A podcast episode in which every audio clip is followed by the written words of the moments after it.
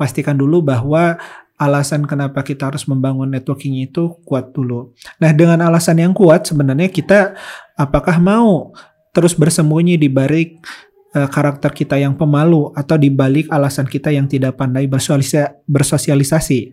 Apakah cita-cita besar kita terhadap bisnis? Oke, ketemu lagi di episode terbaru ada pertanyaan masuk ke DM Instagram You Business, kurang lebih pertanyaannya seperti ini. Adakah tips praktis untuk mulai bangun networking dalam bisnis, terutama bagi orang-orang yang merasa dirinya pemalu atau tidak pandai bersosialisasi? Pertanyaan ini ada dua premis. Yang pertama mengenai bagaimana membangun networking, premis kedua yaitu kalau kita ini seorang pemalu atau tidak pandai bersosialisasi seperti apa. Izinkan saya menjawab dulu sebelum premis pertama saya membahas premis kedua. Nah ini kan kalau kita ngebahas mengenai mem bagaimana membangun networking ini adalah proses how to atau cara untuk mencapai satu tujuan. Yang justru harus dibahas itu adalah tujuannya sendiri atau kenapa kita harus membangun networking untuk apa kita harus membangun networking? Nah, ini yang tentu untuk setiap orang motivasinya berbeda-beda. Misal dalam berbisnis, uh, yang pertama kita ingin mengakses pangsa pasar lebih luas atau menjalin hubungan dengan kontraktor atau menjalin hubungan lebih baik dengan konsumen mencari mitra baru dan sebagainya. Nah, itu merupakan beberapa contoh motivasi atau alasan kenapa orang membangun networking.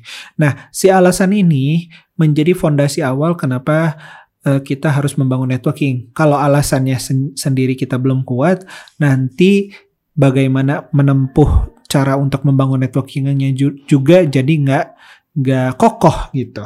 Nah si Y ini harus diperkuat terlebih dahulu. Kenapa sih? Kalau memang ternyata kita tidak menemukan alasan kenapa, mungkin sih bangun networking juga nggak penting-penting amat untuk kita lakukan. Jadi pastikan dulu bahwa alasan kenapa kita harus membangun networking itu kuat dulu. Nah dengan alasan yang kuat sebenarnya kita apakah mau terus bersembunyi di balik uh, karakter kita yang pemalu atau di balik alasan kita yang tidak pandai bersosialisasi.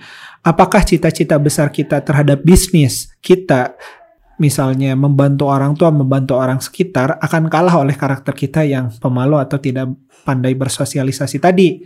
Apakah dengan ada karakter pemalu atau tidak pandai bersosialisasi ini membuat kita tidak mau melangkah ke tahapan selanjutnya.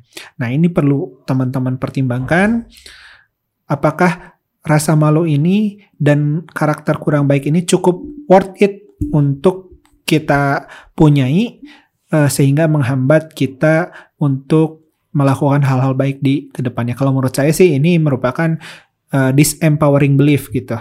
Keyakinan-keyakinan uh, dalam diri kita yang tidak produktif.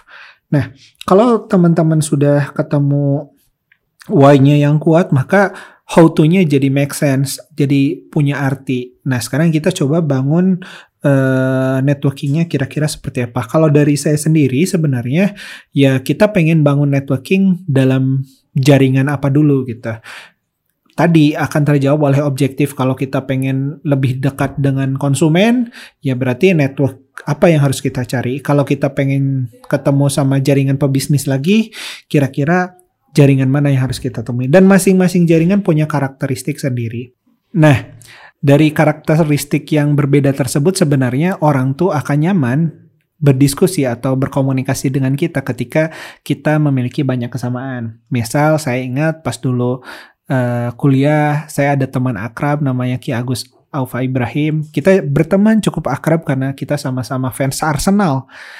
Jadi pada saat pertemuan beberapa kali di kelas pertama kita nyambung, uh, cukup nyambung buat ngobrolin sepak bola.